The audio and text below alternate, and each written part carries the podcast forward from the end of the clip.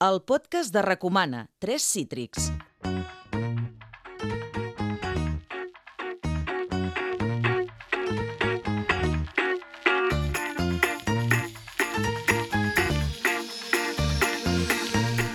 Hola a tothom, benvinguts al podcast de Recomana. Avui tenim sessió de tres cítrics on tres professionals de la crítica trien, remenen, analitzen i comenten algunes obres que són a la cartellera. Avui és el primer programa de l'any i tenim algunes novetats.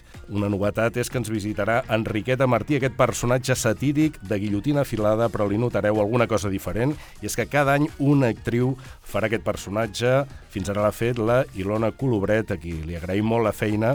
Incorporem aquest any a Laura Riera, que posarà la veu a aquest ésser que tanca el podcast. Avui, però, els tres caps de cartell de Recomana per començar són, com dèiem, els nostres tres cítrics. Alba Cuenca, Juan Carlos Olivares i Ramon Oliver. Benvinguts, què tal, com esteu? Hola, hola, bones. bones. Comencem amb, amb una bona notícia, perquè fa poc coneixem les dades d'ocupació dels teatres i està bé també, perquè sempre parlem de males notícies en general relacionades amb el teatre, que tot va molt malament, doncs eh, són bones. L'any passat es va batre el rècord històric del teatre català amb 2,8 milions d'espectadors i una recaptació de 86 milions d'euros als teatres de Barcelona. Una bona notícia, per tant, mm, que cal, cal celebrar, com dèiem, que no estem gaire acostumats no? a bones notícies en el sector cultural. No estem gens acostumats i, bueno, com, com dèiem abans de començar la gravació, ara anem pels 3 milions, que és una, una xifra màgica. És aquest objectiu que fa eh, temps que s'hi va al darrere, no? Fa temps que, que anem al darrere i aquesta vegada em sembla que estem a punt no? d'aconseguir-ho. Aquí el que hauria d'analitzar-se una mica és fins a quin punt, perquè les dades són molt espectaculars, no? Després, si entréssim a analitzar-les, veuríem que està molt descompensat, no? Hi ha uh -huh. un tipus d'espectacles i de teatres que, que arrasen sí. i aconsegueixen recaptacions milionàries i altres que es queden a la misèria, no? Però aquest seria un altre tema i seria posar una nota trista a la sí. bona dada que tu ens acabes d'oferir. Aquesta bona notícia, mira, els cinc espectacles més vistos. El 5 hi ha Fitzroy, el 4 Alegria que passa, el 3 de Producers, el 2 Impro Show de Planeta Impro i el número 1 va ser el Mago Pop. Quina impressió teniu vosaltres també pel que parleu, perquè us comenten la, la gent dels teatres? Es queda només en aquestes, en aquestes grans produccions, s'explica per aquí, o penseu realment que, que hi ha una, una revifada en, en el sector? Quina és, quina és la sensació? Amb el Manel Pérez deia l'altre dia a l'entreacte que, està, que està molt bé aquestes xifres, però que això ha de repercutir també en les condicions de treball no? de, dels artistes que viuen en situacions superprecàries i això, a veure si, si aconseguim que, que vagi també cap a l'altra banda, no? Sí, jo crec que, com diu l'Alba, i eh, referint-me també a l'article que va publicar el Manel, tot i que sí que hi ha una segona data interessant i positiva, que és també han pujat uh, l'índex d'assistència de les sales petites. Sí, és veritat. Sí, no, sí, només sí. era com la Ventafocs mm. de tota aquesta història, i aquí sí que hauríem... No sabem, crec que no cal fixar-se de que no és cap sorpresa que el Mago Pop arrasi, és a dir, que aquí estem parlant d'un públic absolutament massiu que potser li pot interessar al teatre no, però mm, va potser a, a veure aquest espectacle per altres motius, no estrictament eh, per gaudir de l'art dramàtic, Um, Tot i que té una estructura dramàtica, sí, sí, sí. eh, l'espectacle, i, és, i emociona. Eh? Hi ha el fil narratiu, sí, sí, sí. tot això. Ui, veig que ets un fan, eh? No, no, a mi els Reis m'han portat d'entrada justament al Mago Pop i em vaig quedar impressionat d'emocionar-me amb la màgia, de realment un, un, un treball d'emoció. De, és que aquest comentari meu no és un demèrit respecte sí, sí, sí. a una proposta com el del Ma el Mago Pop, però en tot cas eh, crec que l'interessant és anar baixant a veure què està passant a la resta del paisatge teatral de la ciutat i aquí sí que també hi ha un, un cert optimisme.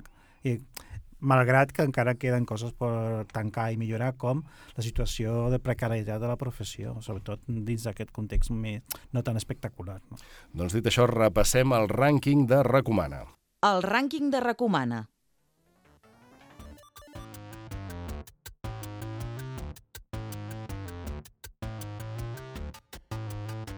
Aquest rànquing ja es veu que surt de la mitjana de les valoracions de les crítiques publicades a recomana.cat, una llista que va variant a mesura que s'afegeixen noves crítiques i, com sempre, us animem a entrar a recomana.cat per llegir les crítiques completes. Al número 5 hi trobem un empat i justament, Ramon, n'estan parlant just abans d'entrar de, perquè hem trobat un empat entre La filla de l'est del TNC, que justament eh, es va estrenar ahir, el dia abans de, de gravar aquest podcast, aquest podcast, i també hi ha un empat amb La forma de les coses coses. És veritat que la forma de les coses té tres vots i la filla l'és només en té un. Comencem per la forma de les coses perquè, Ramon, eh, tu coneixes molt bé aquesta obra perquè, a més a més, has estat fent postfuncions. Eh, M'ha tocat fer do, dues funcions Això està molt bé. espectacle, o sigui que el domino molt, el domino molt. Uh, eh, es tracta d'una comèdia per dir d'alguna forma, és una comèdia bastant dramàtica també, no?, de Nil Labut, Sí. que es va estrenar aquí fa 15 anys L'havíem vist amb, amb el. Manrique, oi? Ah, que va ser un, Manrique. un exitàs, sí. Va ser un dels primers espectacles que va dirigir Manrique, de fet. També es va estrenar més o menys, jo, jo diria que un any o dos després o abans, no recordo, la pel·lícula filmada per Sí. mateix Neil Labut, que és excel·lent, i que a més té el mateix repartiment que va estrenar l'obra a Londres, per tant, ja, això ja és un mèrit.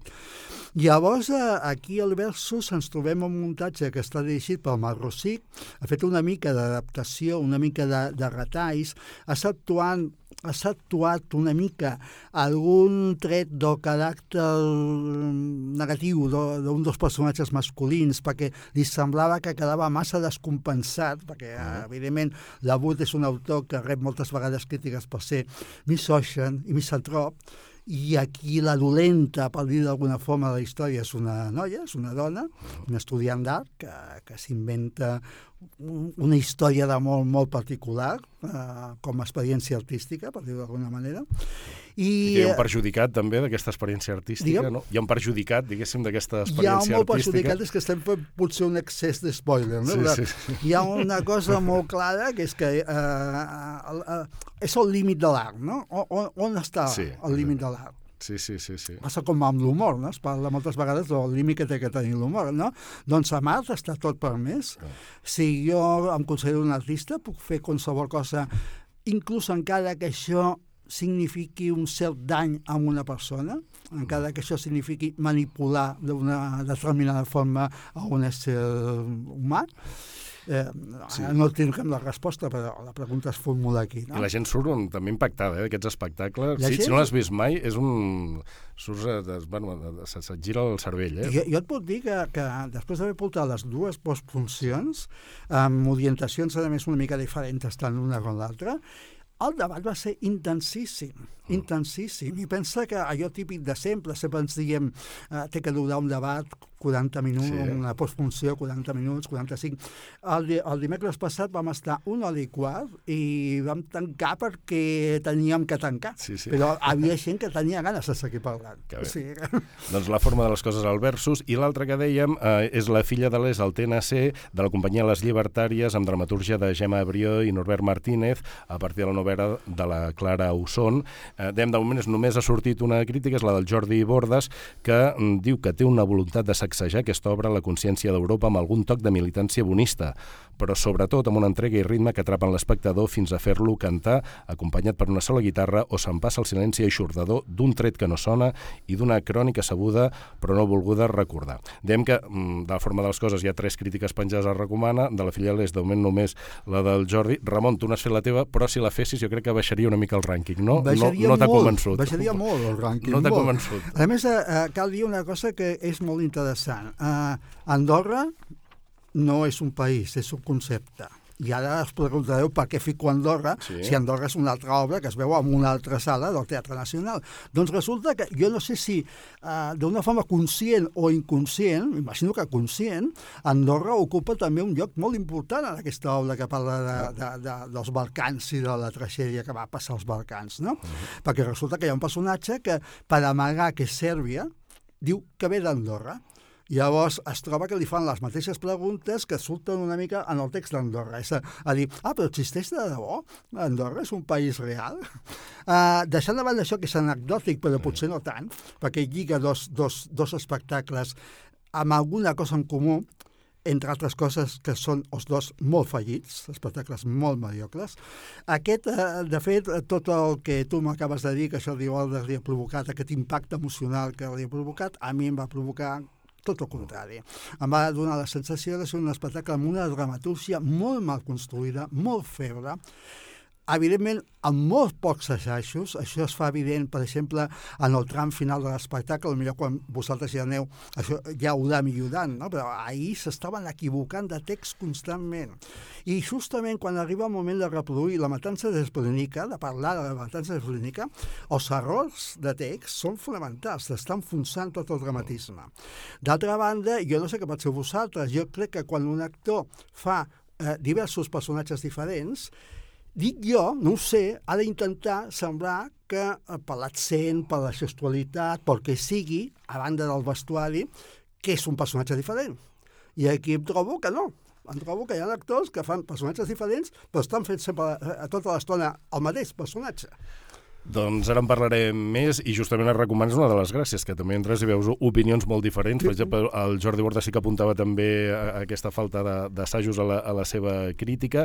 I parlaves de personatges, quan es fan personatges diferents, doncs hi ha d'haver alguna diferència. Al número 4 del rànquing tenim el contrari de Lluïsa Coniller, on sí que veiem una actriu, la Berta, que fa uh, personatges molt diferents. En parlarem després a la sala Atrium, al contrari, perquè és l'obra que ha triat justament per comentar el Ramon Oliver. Anem al número 3, tenim una casa en la muntanya, el, Herbert, el Heartbreak Hotel, un thriller escrit i dirigit per Albert Boronat. Martí Figueres, a la seva crítica recomana, diu navega entre els codis de la ciència-ficció i de la filosofia per traçar relats que ens atrapen i ho fan amb un llenguatge poètic i complex, però també amb un sentit de l'humor molt cafre. Aquest és un espectacle on es pot menjar, no? Vosaltres teniu taula per d'aquí poc, no? I anireu, reprodueix un Jo concretament un menjar, el no? diumenge de la setmana propera i tu ja jo aquesta d'aquí setmana, no? dos dies sopo ja. Sopes allà. Molt bé. Que, que sàpiga, la, eh, són molt poques funcions, són cinc funcions. El dia 28 són les dues últimes. I llavors, a banda d'aquesta setmana, que només és una sessió, Mhm. les altres són a les 12 del migdia, si vols dinar, i a les 5 i mitja, si vols fer una mena de sopar avançat, no? Doncs cal estar atents per no, per no perdre-s'ho. El número 2, Hermafrodites a cavall, del Tantarantana, que és l'obra que ens recomana Alba Cuenca i que en parlarem ara de seguida. Només avancem, a Alba, que, que, que t'ha encantat l'obra. A mi va encantar, jo la vaig veure en el seu moment a l'estrena a Fira Tàrrega i bueno, vaig, vaig titular la meva crítica l'espectacle que no sabíem que necessitàvem. Molt bon títol, m'encanta. Explicaré perquè per l'he què, vist. per Sí, sí. què ho dic, ara després en parlem, però sí, sí, jo la recomano moltíssim. Perfecte. I el número 1 del rànquing de Recomana, redoble de tambors, i no és la primera vegada que apareix.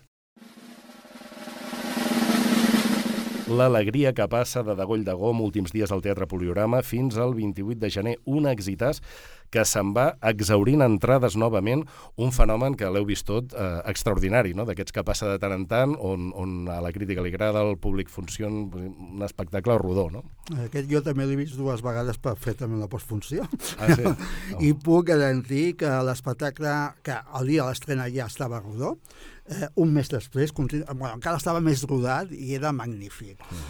I em sembla fabulós que un grup amb la història de Roy de Gom hagi triat com a final d'una etapa, esperem que, que hi hagi més etapes, a banda de la reposició ja anunciada de Maricel, uh -huh. hagi triat un espectacle que és com un recanvi generacional, també, no? Sí. que implica tot això, i que, que amb uns mitjans, a més, limitats, perquè no estem parlant d'una macroproducció, eh, el tema que ha sortit abans, Sí. aconsegueix realment crear un musical que connecta amb totes les generacions i una cosa molt important que sembla insignificant, un musical en el que s'entenen les lletres de les cançons, cosa que no passa gairebé mai.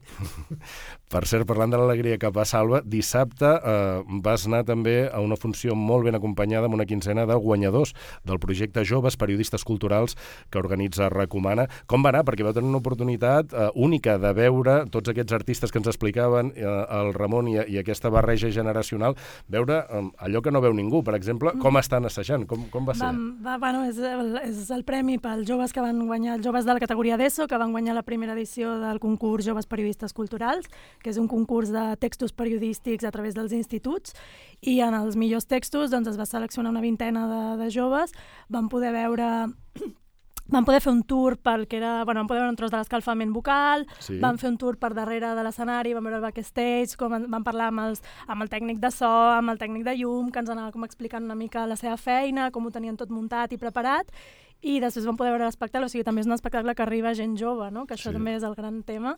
Doncs hi havia gent del, dels, dels nois i noies que hi van anar, hi havia alguns que deien que repetien, que els havia Ah, sí? agradat molt, sí, sí.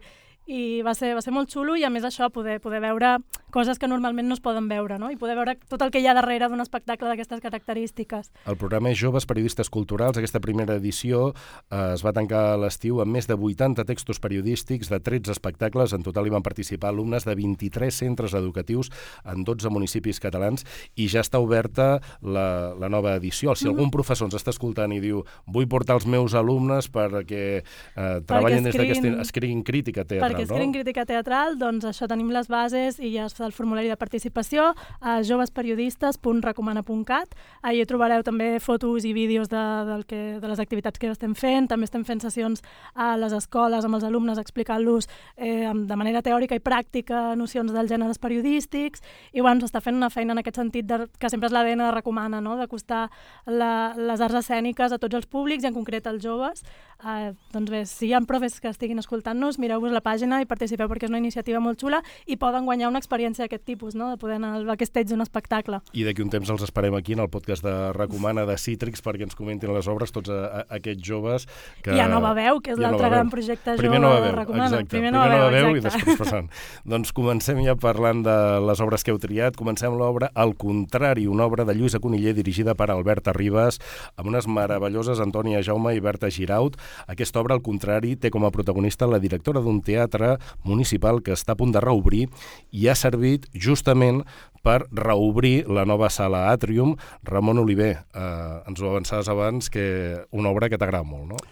I a més és fantàstic perquè vam acabar l'any amb una meravella d'espectacle que es diu El Gos, que reuneix el mateix tàndem creatiu que aquest altre, no? que és el, Lluïsa la- Coniller. La Lluïsa Coniller en plena forma, està sensacional. Uh, uh, cal dir que aquest text, el d'ara, té 10 anys d'existència. No? No, no podem dir que és la creativitat actual de la Lluïsa perquè no ho sabem. Però en el cas del gos, que és molt més recent, demostra també una maestria absoluta. No?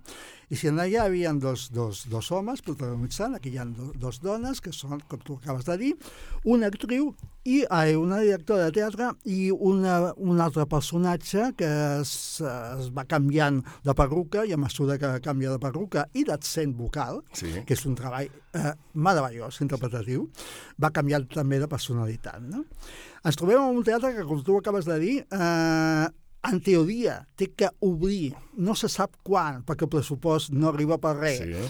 Uh, no arriba ni per tenir un segurata, per tenir un vídeo de control a les portes. Per tant, la, la senyora directora, com sap que aquell teatre és molt fràgil, que es pot enfonsar o cremar, una gran possibilitat, uh, en qualsevol moment, ha decidit dormir al mateix teatre, no?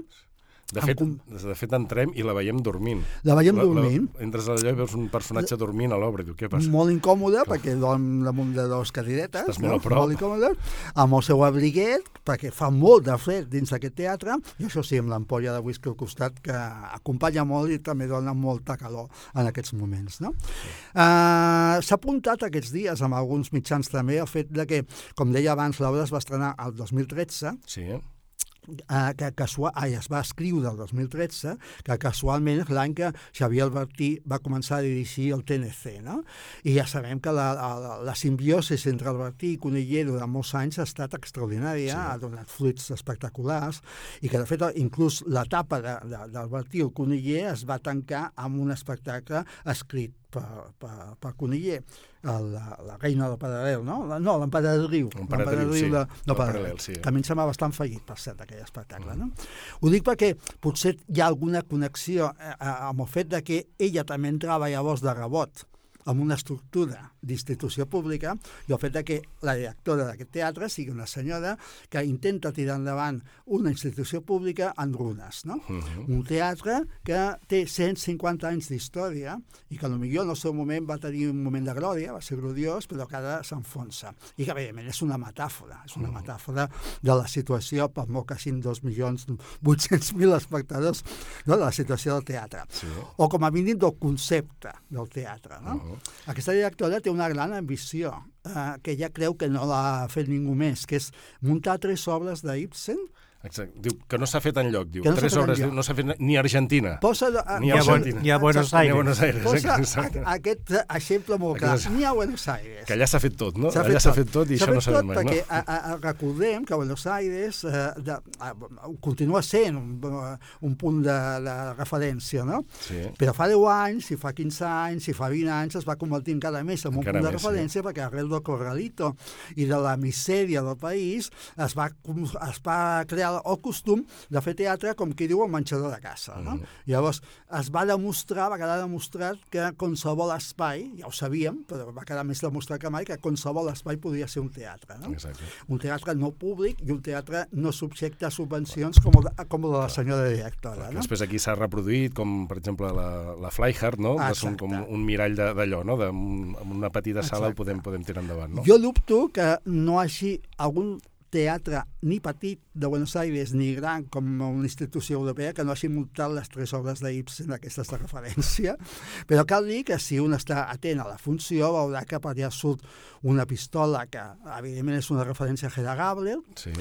Eh, hi ha una referència a un càsting per triar a una actriu que faci de Nora, de, Sí. la, la, la, la famosa protagonista La de Nines. Casa de Nines que dona el cop de porta, Sí. i hi ha una escena assembleària que és gairebé, està treta gairebé d'un amic del poble, no? I és una escena molt, molt emblemàtica també, perquè eh, amb aquest procés de la directora que es va trobant amb X personatges significatius de la seva vida, hi ha un moment en què realment ella fa una acció que és com Mm, una és veritat. revolta total, no? Sí, hi ha aquestes referències a, la, a les obres que d'Ibsen que, van, que van apareixent, no? que van apareixent. Sí, sí, sí. Uh, I, evidentment, si Ibsen va apareixent per aquí, a lo millor fa alguna altra aparició fantasma que no explicarem per Sí. no fer un spoiler massa excessiu. I que ben aprofitat que està aquest petit espai, ara que dius Ah, això de les, de, la, de, la, de les aparicions, Sí, sí. Eh, és, I és fi- un prodigi. I, i fixem-nos que la, el títol de l'obra és el, el contrari. I ara sí que vaig, fer, vaig a fer un spoiler, no puc evitar-ho. El contrari és una, són dues paraules que pronuncia Ibsen. I les pronuncia per fer referència al contrari, encara que sembli que estic molt bé, Mm. estic molt mal, molt malament, estic molt fotut. I sembla una altra metàfora del teatre. Yeah. És a dir, encara que sembli que tot vagi molt bé, en realitat no estic molt bé. En realitat, el que jo volia transmetre no s'està transmetent bé. No? Llavors, a partir d'això, eh, Coniller crea una comèdia modèlica, perquè és una comèdia, perquè és que realment rius molt al llarg de la funció, que se'n va cap a aquests aspectes meta, metateatrals de reflexió sobre l'ofici i que té aquestes, aquest parell d'actius sensacionals que realment ho borden amb una complicitat absoluta i amb alguns diàlegs que a mi em recorden les dues pel·lícules més emblemàtiques que s'han fet mai, potser, sobre el món del teatre. Un és Tot sobre Eva, uh -huh. la famosa pel·lícula de Josep L. Mankiewicz, i l'altra és aquella meravella de Sean Cassavetes que es, eh, es diu Opening Night, nit d'estrena, de la qual la Donald va, va treure el títol també un espectacle sensacional. No? Uh -huh.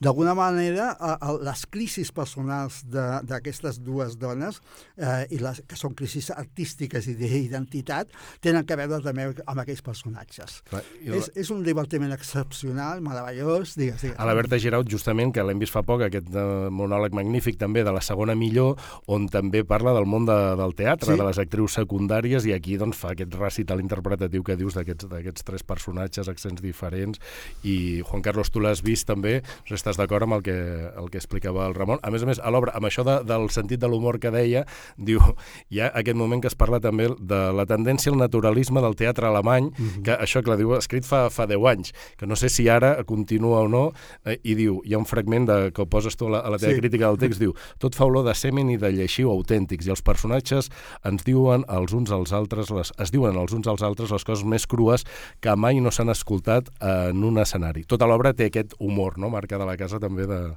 de Lluís Coniller, no? Sí, jo um, no sé si ara mateix a Alemanya el que s'estila gaire és el naturalisme. Jo diria tot el contrari. Per això, per això van, vaig remarcar, Sí. feia 10 anys. Feia 10 això, anys, eh? exacte. I llavors aquest escenògraf no deu tenir feina, perquè diu, jo només sé fer lavabos i coses... Eh, Eh, eh, si, si anem al simbolisme no, no, no, no sabré fer l'escenografia. Directament No? diu ordinaris, cuines i pàrquings. I pàrquings. I m'ho encarreguen constantment. Vist Està- com un rei. molt gràcies a divertit. això. Podria ser una sonografia de Calixto Vieto, saps? Sí. Podria ser, perfectament. És a dir, que ara no tindria feina, no? No, Juan crec Carlos, que eh, perquè m'arriba ara mateix les coses van per una altra banda. Um, Per on van? A veure, explica'ns. Tu. Ostres, sempre em fas les preguntes de dir, l'última vegada havia que d'explicar. construir una tesi sobre el teatre alemany contemporani. La cosa va per aquí, breskiana no ja va per aquí. Va. jo és que us exprimeixo, ja que, ja que us tinc aquí. No, ara mateix eh, les coses van cap a una com una artificiositat bastant extrema fins i tot a l'hora de d'eliminar la figura del, de l'actor. És a dir, que ara domina molt la màscara, domina fins i tot l'enregistrament previ de, de les veus. O sigui, no sé si recordeu aquí les tres germanes que va venir la Susana Kennedy. Uh -huh. Això només un tast de lo que és força freqüent ara mateix a l'escenari alemany. També la idea de la coralitat, hi ha un eh, director que ara no em facis dir el nom, que no recordo, però el que fa és, és eh, crear espectacles on un text, textos clàssics el que es fan és acompasar, acompasar les paraules a partir del moviment constant dels cossos. És a dir, que el que fa és com si crear grans mecanismes de d'una una cinta d'aquesta rodant, Uh -huh. uh, que pot tenir molt més d'unes figures, i el que fa és acompassar el recitat de les paraules a partir de la, del moviment físic constant. Uh -huh. Clar, això també és una cosa de fer una cosa estranya, o sigui, és tot el contrari del naturalisme. Això fer un incís. Sortint d'Alemanya, anant a Londres, eh, ara mateix està representant a la Doma un Macbeth, eh, en David Tennant, o sigui, un mega actor, una estrella, en la que tens que posar auriculars per seguir el text. Llavors, clar, tothom diu aquesta experiència és, eh, a, a, a, situa un lloc totalment diferent. L'obra que has vist mil vegades sembla una obra diferent. Eh, De vegades hi ha, hi, ha, hi ha espectadors i crítics que diuen és odiós el que passa, perquè tens un actor sensacional Clar, allà al davant. Vaig, a- vaig no escoltar-lo amb ell i, Exacte, i, i no em poso uns auriculars. i altres opinions han dit és sensacional, perquè Sí. la immersió que em crea eh, trenca esquemes, no? Però és una mica això, va una mica aquesta línia. I això que estem dient ara, què passaria d'aquí 10 anys? És a dir, la Coniller el que està dient també és aquestes modes, de vegades amaguen un punt d'artifici que es converteix, que potser originàriament està molt bé, Uh -huh. després es converteix en moda repetitiva Sí. uh, o l'escenògraf ve a dir això. Sí, sí. M'encarreguen mil Sí. ordinaris perquè és una moda repetitiva. Clar, aquestes innovacions que després ja acaben sent un cliché, no? Acaben... No, respecte...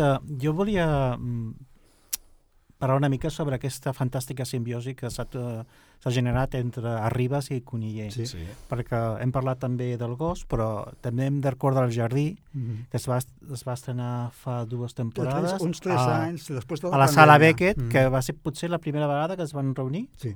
amb un, també un text inèdit, i allà ja va florir una, una relació molt especial. Per això jo crec que jo crec que la Ribes agafa el relleu d'aquesta l'altre tàndem Amb inicial l'Albertí, no? l'Albertí Sí, sí. i la Coniller, i jo no voldria oblidar que entremig eh, també va haver un petit període entre Lourdes Barba i la Coniller, no? Mhm. Tampoc po- oblidar-nos de la, de la Barba.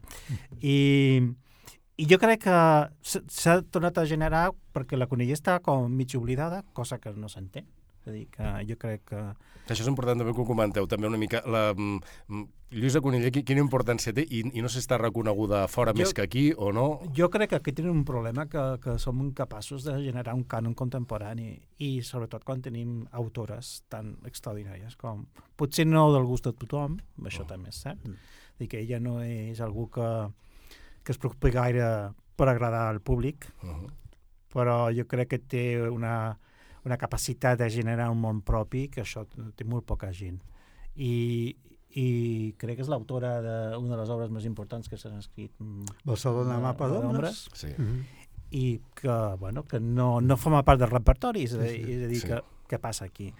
I que a mi que aquesta operació a Ribes de recuperar la Coniller em sembla de les coses més interessants que han passat els darrers anys. Sí, sí, el Barcelona d'Ombres, que era just que Amor Ventura Sí. Pons va fer aquesta adaptació a Barcelona, a, a. Barcelona un mapa, Exacte. on, Sí, sí. on que, que era de, sí que en aquell cas sortia el Josep Maria Pou i, i, i l'Espert, no? també, que era jo crec de les millors interpretacions també que Sí, han fet sí, en sí. cinema. Eh? Que, Mm. les Jo, jo crec que estic totalment d'acord amb el que has dit tu i després hi ha una altra cosa evident que bueno, hi, ha, hi ha modes també, jo penso que Coniller va tenir un moment gloriós quan va debutar fa ja potser uns 30 anys, em sembla que es deia Ro- Rodeo, no?, l'obra, El mercat de les flors, el primer text d'ell. Bueno, Jo és que la primera memòria que tinc és Oxició, però no sé que és jo... una mica més, més tard, no? Mm. Uh, va haver-hi una època molt gloriosa al Mercat de les Flors, quan encara feien teatre al Mercat de les Flors i no dansa, a la sala Beckett, a la primera sala Beckett, que tots els textos de Coniller anaven allà, i realment uh, en aquell moment va connectar molt amb la sensibilitat del moment. Uh -huh.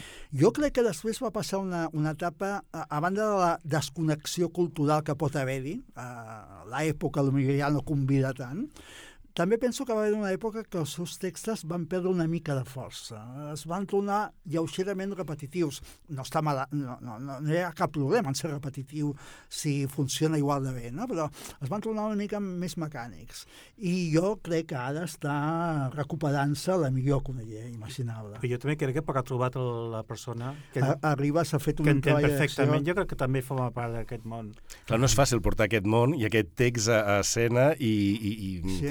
Se, sempre passa, però en casos eh, així mm, po- podem veure que el resultat que és magnífic. jo és que l'Arribas no el conec gaire, però em puc imaginar que hi ha una sensibilitat especial Mhm. respecte a la dramaturgia de... personal, I respecte aquí- a la dramaturgia de la Coniller. aquí, sent, sent Coniller en estat pur, hi ha potser més claus perquè l'espectador connecti amb aquest humor Sí. eh, més o menys absurd o surreal que pot haver al moment. Per exemple, en el gos, que això no passa, veies fins a quin punt Arribas havia treballat el text d'una forma magistral perquè ningú, ningú tingués ni masses claus, ni masses dades per creure que està entenent tot el que està passant i alhora ningú desconnectés.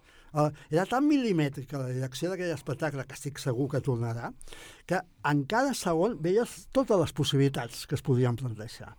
I funcionava de meravella. I veus que realment la simbiosis, la complicitat és total. Doncs que duri aquesta simbiosi i aquesta complicitat. De moment, al contrari, a la sala Atrium, que, que estava ja um- omplint, jo, jo hi vaig anar just ahir i, i esta, Això estava, també és admirable. Eh? està pleníssim. Uh, és, és veritat que és una sala petita, però no s'han d'omplir les sales petites també. és clar. fantàstic veure que jo tampoc hi vaig anar a la nit de l'estrena, vaig anar també una, un dissabte, això és veritat, no? Ens vam trobar a Però- faltar perquè érem tots, eh? Perquè estava fent una aposta... Crec que era la primera vegada que a l'Atrium es vam trobar pràcticament tota la crítica el mateix dia de l'estrena. Anem passant, però...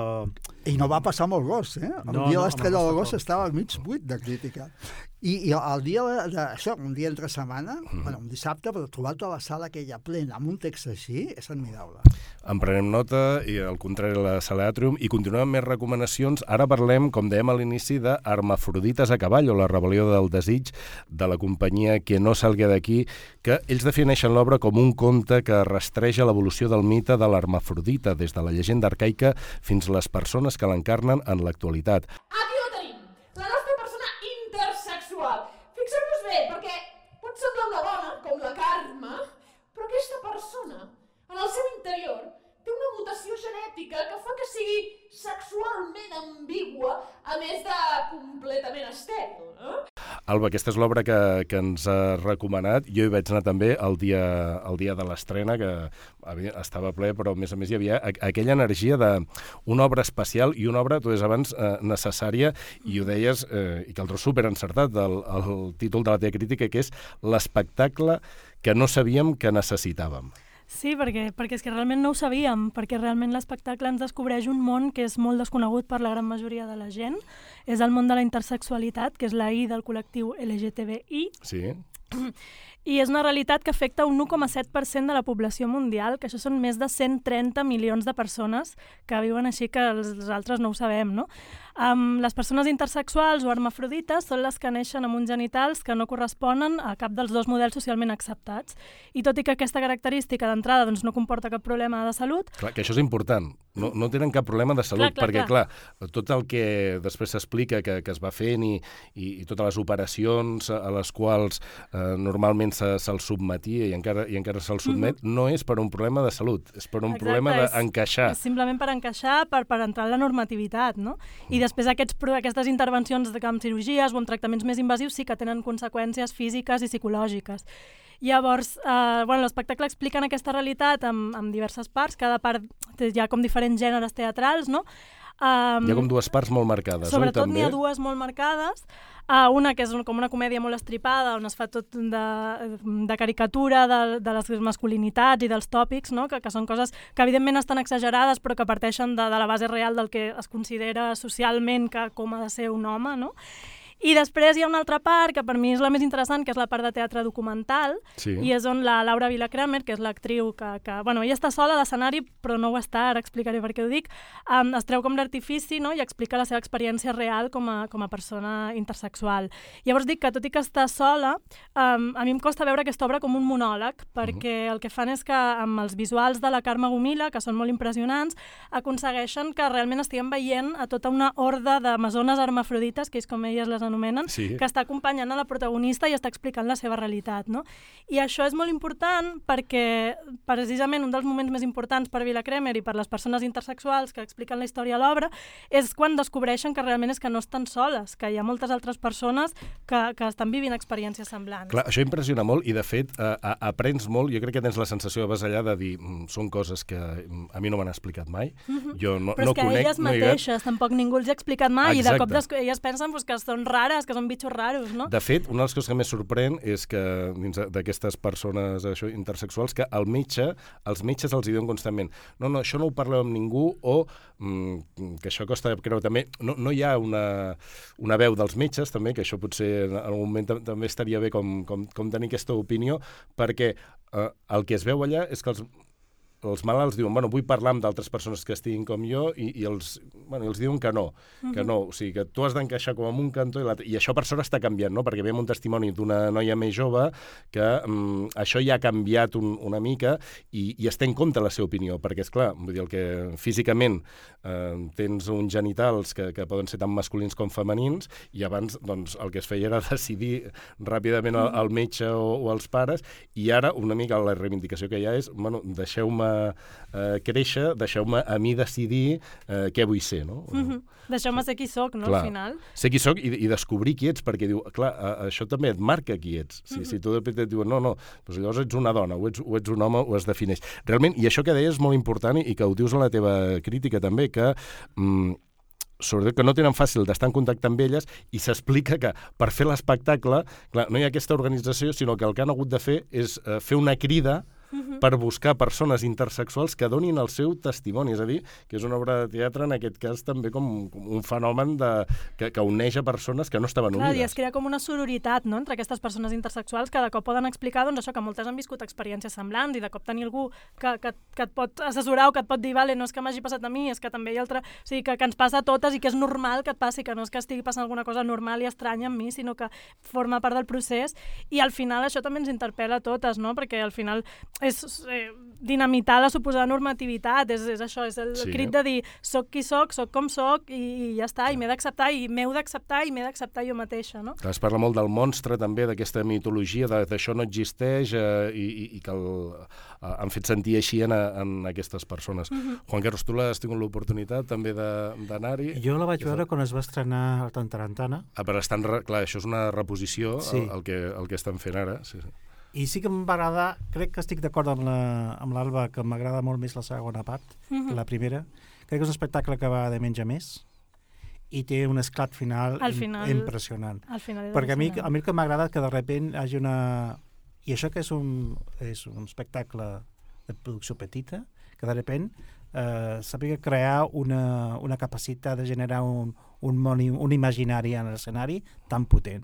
I això m'agrada, és a dir, m'agrada que em descol·loqui, que, que miri les coses d'una altra manera, i crec que això, quan arriba al seu eh, màxim, és cap al final, a l'esclat final del que té l'espectacle. I surts amb una energia molt positiva, amb una força, lluny del victimisme, lluny de, de només tot lo dolent, no, no, surts amb ganes de menjar-te el món i d'acompanyar-les i amb elles a tope, Exacte. i això és molt guai. Mm.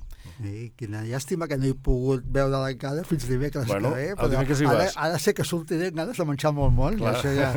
A més a més de, de, del magnetisme que té sí, sí, que l'escenari, saps? Que, Mhm. que... La Laura Vila, eh? Sí, que- sí, sí. Laura Vila. És- Bueno, és que és, és molt honest, és que està explicant la Exacte. seva història i et mira els ulls i t'ho diu i dius, bueno, és que, és que és això, vull dir... És I que... diu una frase també que es diu la meva família, diu a escena, no està preparada per veure aquest espectacle. Perquè ella explica això també, no? La, tam, també és important aquí la, els entorns que, que, que s'han trobat a, a aquestes persones. És un espectacle, jo penso, el tema és tan potent i, i és tan interessant i, i, i tot el que es parla que, que mm, en, en aquest cas, no sé, jo vaig tenir la sensació com, pràcticament com no... anar més enllà no, del fet teatral, vull dir, d'entrar totalment amb el que t'estan explicant, que a vegades no, no sé si suma o si resta, o si però... A mi o sigui, el, el tema m'ha semblat tan important que se m'ho va menjar tot. Mm -hmm. es, es, sí, sí s'ho menjar tot, que això I també pens, també penso que pot crear referents, no? pot ajudar a moltes altres persones intersexuals que de cop vegin això i, i entrin també en, aquest, en això del que deia abans de dir, pues és que no estic sola, pues fan falta referents diversos i, i, i això o sigui, és, és com una feina molt necessària, no? el que jo deia, l'espectacle que no sabíem que necessitàvem. Armafrodites a cavall o la rebel·lió del desig que es pot veure, eh, ho dèiem abans, al Tantarantana, i per acabar, apuntem a l'agenda la recomanació del Juan Carlos Olivares, eh, a part de les altres també que, que, que, que també les ha signat el Juan Carlos, és una reposició de l'obra Farfly de la Calòrica, una obra que es va estrenar el 2017 al Tantarantana, justament, i ara podem veure el nou Espai Texas de Barcelona a partir del 8 de febrer. Les despeses de producció són absurdes. Per què et penses que Domènec Argau se n'estan anant a la merda? Les matèries primeres són cada vegada més cares. Les empreses petites no poden assumir el sobrecost. Eh? Canvi climàtic, sí, canvi climàtic. Exacte, però, però, però imagineu-vos que la matèria primera és una altra cosa. Altra cosa com què? Una cosa diferent. Una bona notícia que reprogrami uh, aquesta obra, que per cert, no us adormiu si no l'heu vist, perquè, informació de servei, les entrades, com acostuma a la calòrica, estan volant. Yeah. És que hem de pensar que 2017 la calòrica potser ja tenia una colla de calòrics, és a dir, hi ha gent molt fan de la, de la companyia, però no havia encara trepitjat ni, ni el nacional... No havia esclatat, no havia fet l'esclat... Ni el lliure, és a dir que...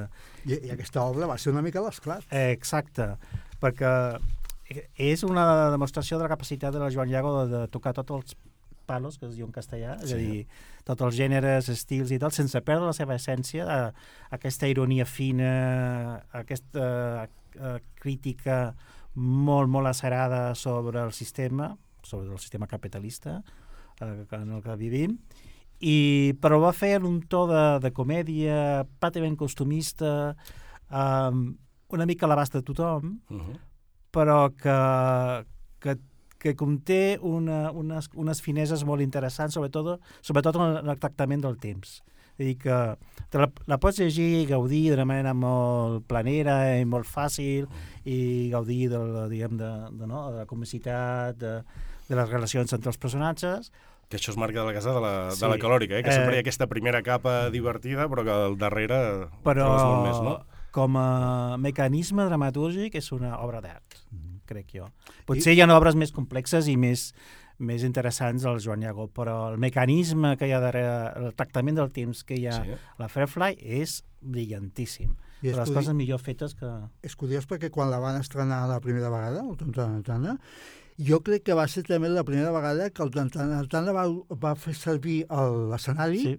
com, a, com a espai de representació i de públic. Llavors, el contacte amb ells era a mig metre, no? Mm. Perquè estem parlant de que és una obra que necessita una taula rodona i quatre cadires, cinc cadires, potser? No, eh.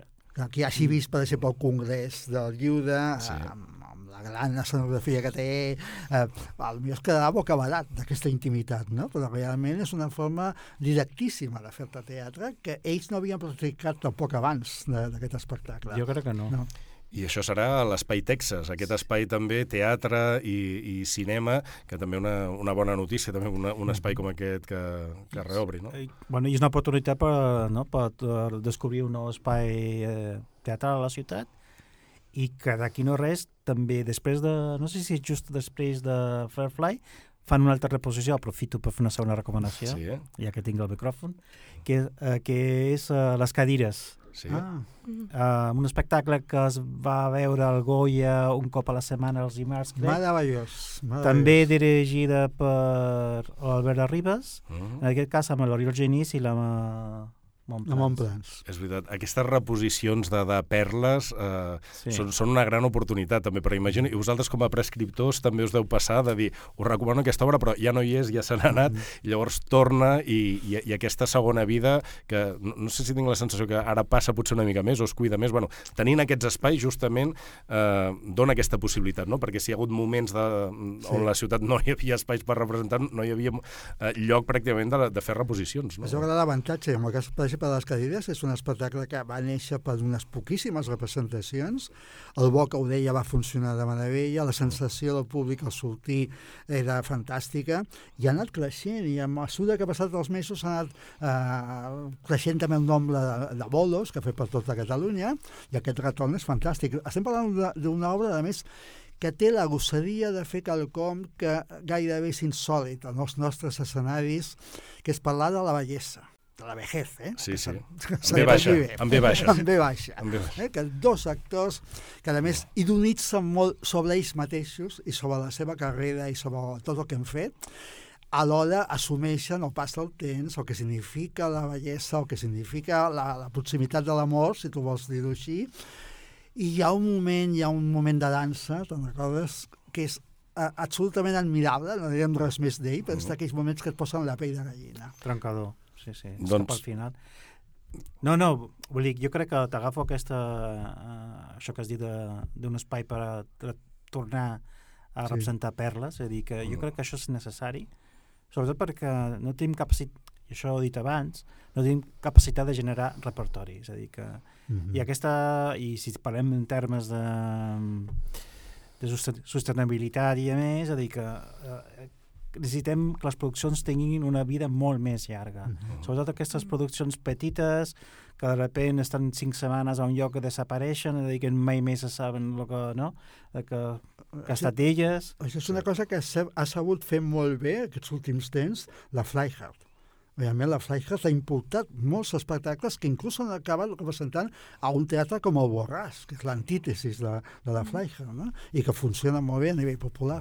Han sigut la llavor d'aquests petits Sí. eh, llocs que després han saltat a grans, però això que comentava el Juan Carlos també que dèiem, no? de, de mm, potser tenir més vida, tam, hi ha Mm-hmm. alguns espectacles que eh, potser poden tenir més vida en espais petits, és a dir, no, no, no tots poden saltar, però sí que, que han de tenir l'oportunitat de, de tenir eh, doncs, Sí, un llarg o de mig format, perquè crec que la sala, la, el Texas té 200 localitats, crec que... Sí, era, era una reivindicació perquè moltes d'aquestes sales estaven desapareixent, no? El- La Montaner, eh, Capitol. el Capitol... Sí, que era, era una cosa que format, demanava clar. el format, que no, no pot ser que passem d'una sala petita a un macroteatre, necessitem un punt mig, no? Uh-huh. I d'aquí surt el Texas. Doncs ens quedem aquestes recomanacions i aquesta, aquestes bones notícies que, que durin. Comencem l'any amb optimisme. I moment ara per l'Enriqueta Martí, aquest personatge satíric que dèiem que ve amb la guillotina i la llengua afilada i que sempre té la, la queixa a punt, res li va bé, avui es queixa fins i tot de quan li fan regals. La guillotina d'Enriqueta Martí. Nenes, estic molt angoixada. Des que van acabar les festes que sento una pressió al pit que, que em desperta sobresaltada a mitjanit i mira, em venen tremolors desagradables, tot i la calor, que, que no sembla que sigui hivern, eh, valga'm Déu. Però, però, tornem-hi que, que em despisto. De veritat, què em faré jo de tants vals per anar al teatre? Clar, tothom. A l'Enriqueta Martí regalem-li teatre que li agrada molt. Ves, regala teatre, espectacles regalats. El millor regal de Reis és regalar teatre. El tió caga teatre del bo. M'heu deixat tota empaperada. I els eslògans, mira, no fan ni riure. Home, com voleu que trobi el temps per gastar tots aquests vals? Eh? Com voleu que m'adormi a les nits pensant que els puc confondre amb factures velles i reciclar-los? O, o m'hi pot caure cafè al damunt? O puc agafar feridura d'intentar bescanviar-los a la web? De veritat us ho dic, eh? Catalunya. Oh, i els vals, que només són online. I el gracioset de torn te l'ha enviat per correu? Eh? Com esperes, poc senderi, que no el perdi entre tanta propaganda embolicada. Ai, regala teatre, regala teatre, regala teatre. Aquest any, teatres, us hi heu regalat. Doncs fins aquí l'Enriqueta Martí. Digui el que digui l'Enriqueta, nosaltres estem a favor, no?, que regali teatre. Avui hem fet unes quantes propostes. No sé vosaltres, clar, que és la vostra feina, esteu cada dia en el teatre. Regaleu entrades de teatre? O us han regalat eh, entrades de teatre? O ara fa temps que no? O jo, tota la... jo recomano espectacles. Quan algun m'agrada, sobretot els meus pares o la meva família, així, quan veig alguna cosa que sé que els agrada, els dic aquesta aneu a veure.